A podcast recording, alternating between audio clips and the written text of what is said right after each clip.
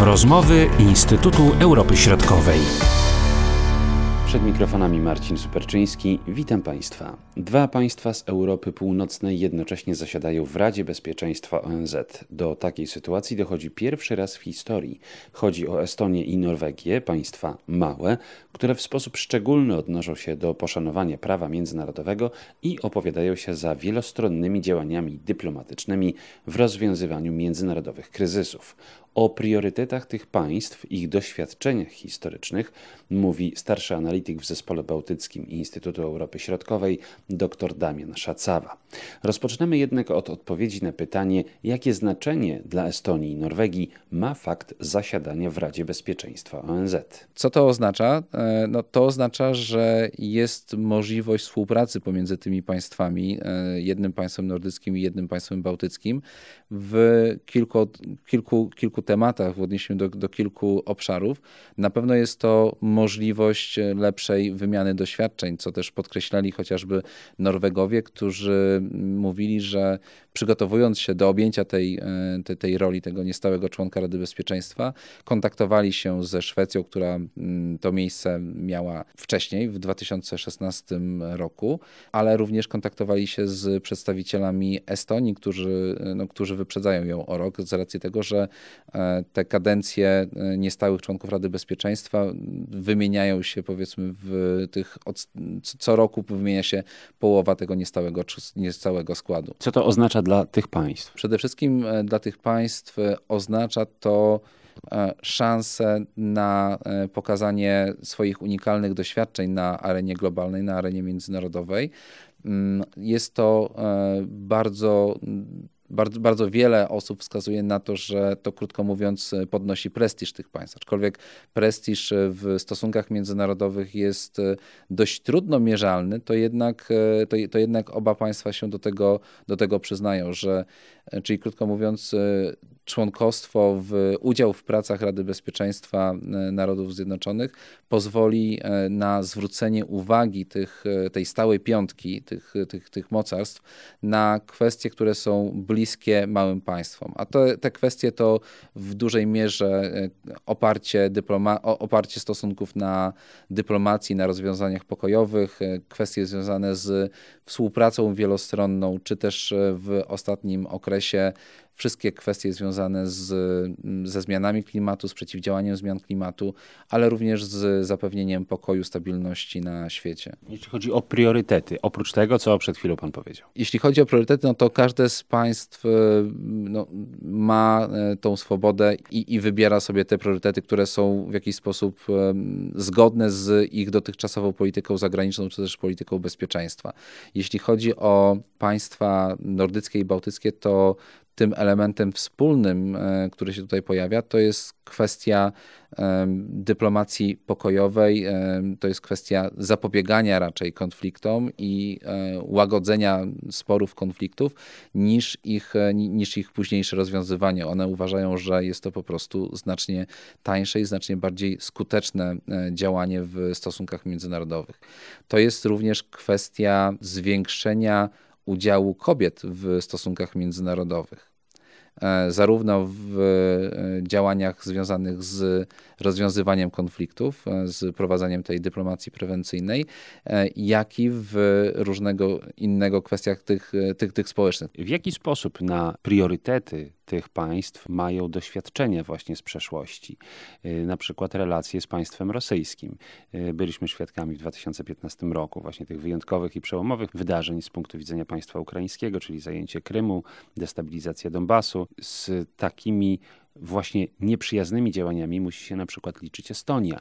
I jak y, właśnie te doświadczenia wpływają, czy też będą wpływać na działalność tego państwa, ale także w pewnym sensie Norwegii w Radzie Bezpieczeństwa ONZ? Ja odpowiedziałbym na to pytanie e, bardzo, bardzo ciekawe i, i interesujące dwojako, bo z jednej strony istnieje oczywiście, ja mówiłem o prestiżu, tak, że udział w Radzie Bezpieczeństwa wpływa na prestiż, ale z drugiej strony no nie jest tak, że w każdym z tych państw, że e, starania o mm, wybór do, do, do, do Rady Bezpieczeństwa były przedmiotem jakiej, jakiegoś e, szerokiego konsensusu pomiędzy głównymi partiami politycznymi. W każdym z tych państw znalazły się siły, które wskazywały, że wskazywały, krótko mówiąc, na zagrożenia i wyzwania z tym idące. Czyli państwa małe, takie jak Norwegia czy Estonia, wchodząc do tego e, grona, elitarnego grona, tak, te, organu, który decyduje o sprawach e, konfliktu i sprawach pokoju i bezpieczeństwa w skali, w skali globu,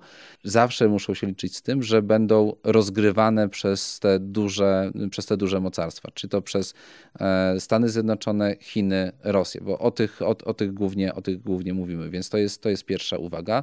No i druga uwaga jest, e, jest taka, że Państwa małe, generalnie wszystkie państwa, mają świadomość zasad gry, które obowiązują w tym gronie, a te zasady gry mówią, że wprawdzie mamy jedno państwo, jeden głos, ale stali członkowie Rady Bezpieczeństwa dysponują prawem weta. No i to e, kilkukrotnie było mm, przedmiotem takiego rozczarowania po stronie chociażby Estonii, która próbowała podnosić tematy dotyczące sytuacji w Europie Wschodniej, no, chociażby na Ukrainie, ale spotykało się to z blokadą e, ze strony, ze strony Rosji. No tutaj jesteśmy y, trochę więźniami, prawda, tego modelu, który został wprowadzony zaraz po II wojnie światowej i o tym się dyskutuje, prawda, że warto by było to zmienić, no ale ci główni gracze musieliby się na to zgodzić, a to jest raczej e, mrzonka niż e, realna możliwość.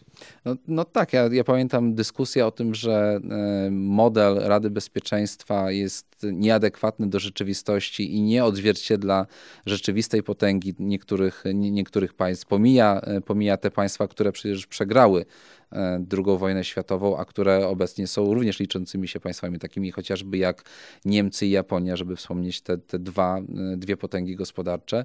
Pomija szereg państw, które no, możemy mówić o, o państwach rozwijających się, chociażby Brazylia, Indie, więc, więc jest, to, jest to pod tym względem model, który jest e, nieadekwatny do współczesnego, do współczesnego świata. Ale z drugiej strony te dyskusje nad zmianą tego modelu trwają od wielu lat i one no, nie, kończy, nie skończyły się póki co jakimkolwiek e, konsensusem i szczerze mówiąc nie sądzę, żeby w najbliższym czasie do takiego konsensusu, do tego zmiany, e, rozszerzenia składu mogłoby, mogłoby dojść. Czym różnią się te oba państwa, prawda? Bo my tak jednym tchem mówimy Norwegia, Estonia, prawda? No widzimy tutaj różne tradycje, różne doświadczenia e, historyczne na przykład. No i też przynależność Estonii do Związku Sowieckiego przez dziesięciolecia. To także jest ogromny bagaż doświadczenia e, i ta różnica pomiędzy Norwegią a Estonią. Klub problemu, znaczy kwestia doświadczeń jest, e, jest szczególnie istotna, bo mm, państwa nawet e, przygotowując swoje priorytety w Radzie Bezpieczeństwa, no, żeby być wiarygodne, no to te priorytety muszą mieć odzwierciedlenie w dotychczasowej e, polityce państwa i w dotychczasowych jego kompetencjach. Więc e, z tego punktu widzenia Estonia położyła mm, bardzo duży nacisk na, na tą sytuację w Europie Środkowej i Wschodniej. Jak sam wspomniałeś, jest państwem, które przez y, wiele lat doświadczało tego, co to znaczy członkostwo w mm, bycie członkiem ZSRR i jakie są tego konsekwencje. No, mamy 2021 rok, więc jesteśmy 30 lat po rozpadzie e, ZSRR, a w zasadzie będziemy tak, pod, pod, koniec, pod koniec roku.